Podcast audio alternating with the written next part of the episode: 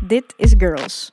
In deze podcast hoor je verhalen van vrouwen die op hun weg naar succes verschillende obstakels moesten overwinnen. Ik ben Roveda. Ik ben muzikant. En ik ben al heel lang bezig met het maken van mijn eerste album. En in de tussentijd praat ik met andere vrouwen over hoe zij hun zaken op orde hebben gekregen.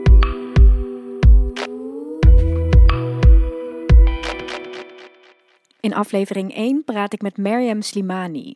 Zij toverde haar Marokkaanse moeder om tot streetwear stijl-icoon. Mijn moeder laat gewoon zien van fuck it, wij kunnen dit wel, wij mogen wel ook gewoon gezien worden. We praten onder andere over onze mentale gezondheid. Ja.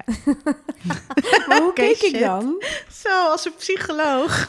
En hoe kun je nou het beste van je dromen praktijk maken? Ik ga het gewoon doen, we zien het wel. In aflevering 2 heb ik zakenvrouw Tatjana Romanik te gast.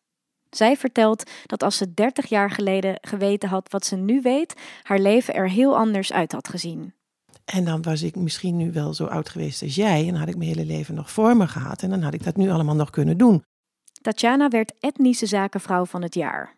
Daarover zei ze in eerste instantie dit. Ik had zoiets van, kunnen we daar nou niet een ander woord voor verzinnen?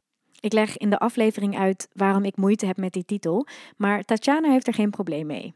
Ja, ik vind het alleen maar prettig dat ik diegene kan zijn, hopelijk voor iemand anders. Die ik graag gehad had willen hebben toen ik jong was.